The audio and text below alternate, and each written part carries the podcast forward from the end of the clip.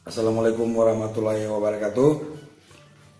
Bertemu kembali dengan Bang Beni Kita bicara hukum lagi Dengan bahasa sederhana Bahasa orang kampung. Ya, yang penting bisa dimengerti. Rekan-rekan Ada banyak yang bertanya kepada saya Tentang polisi tidur. Jadi yang kita bicarakan ini ke mana-mana jadinya. Segalanya kita bicarakan.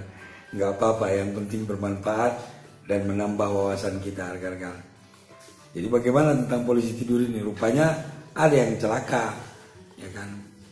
Karena malam-malam nggak kelihatan, akhirnya melewati rupanya ada polisi tidur terjungkir lah kawan ini, celaka dia. Jadi akhirnya bingung mau bagaimana ini aturannya kan? Jadi begini rekan-rekan.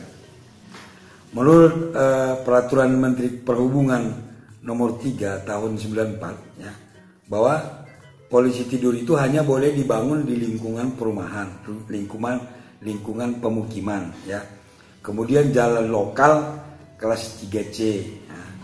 Dan terakhir jalan yang uh, yang sedang dilakukan perbaikan atau rekonstruksi. Begitu, jadi nggak semua tempat bisa dibangun polisi tidur. Nah, lalu yang berikutnya uh, tanggul atau uh, polisi tidur itu harus dibuat tandanya. Tanda dicat miring. Dia cat miring warna putih.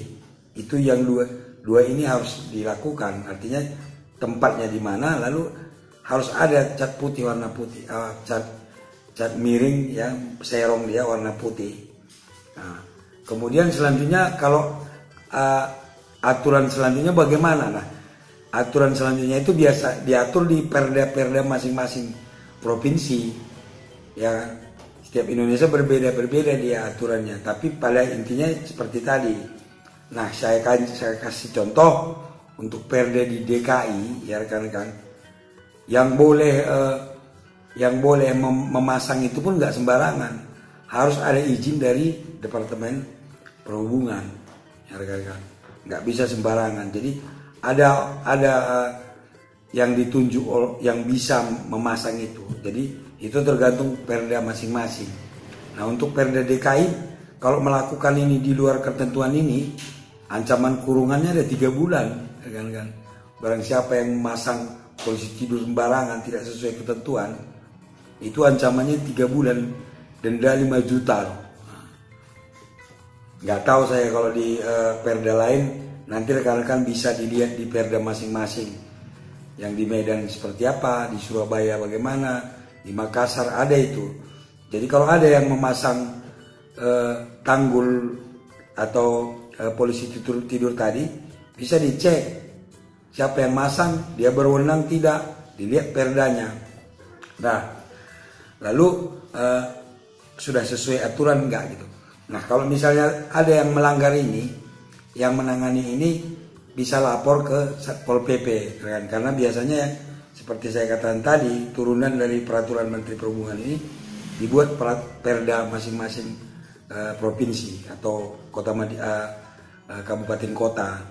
Nanti kalau ada yang yang uh, melanggar lapornya ke Satpol PP. Di Satpol PP juga ada penyidik namanya penyidik pegawai negeri sipil. Jadi sekarang kita sudah tahu bahwa nggak sembarangan nih membuat tanggul atau polisi tidur itu di depan rumahnya bikin sendiri karena mungkin takut orang kendaraan terlalu kencang dibikin sendiri nggak boleh. Ada aturannya rekan-rekan dan ancaman pidananya ada. Kalau untuk di DKI tadi tiga bulan kurungan atau denda 5 juta. Nanti bisa dilihat di perda-perda di masing-masing kota tempat uh, anda tinggal. Jadi rekan-rekan mudah-mudahan ini apa pembahasan singkat ini bisa bermanfaat menambah pengetahuan kita, setidak-tidaknya e, menambah wawasan kita. Kurang lebih saya mohon maaf, barangkali penyampaiannya kurang sempurna. Dan tolong rekan-rekan e, channel kita ini supaya dia berkembang biak, di subscribe, di like dan di share untuk rekan-rekan yang belum sempat lihat, dia bisa lihat juga. Terima kasih atas perhatiannya. Uh, mudah-mudahan kita sehat, tetap semangat, dan jangan lupa berdoa, doakan diri sendiri dan juga doakanlah orang lain. Assalamualaikum warahmatullahi wabarakatuh.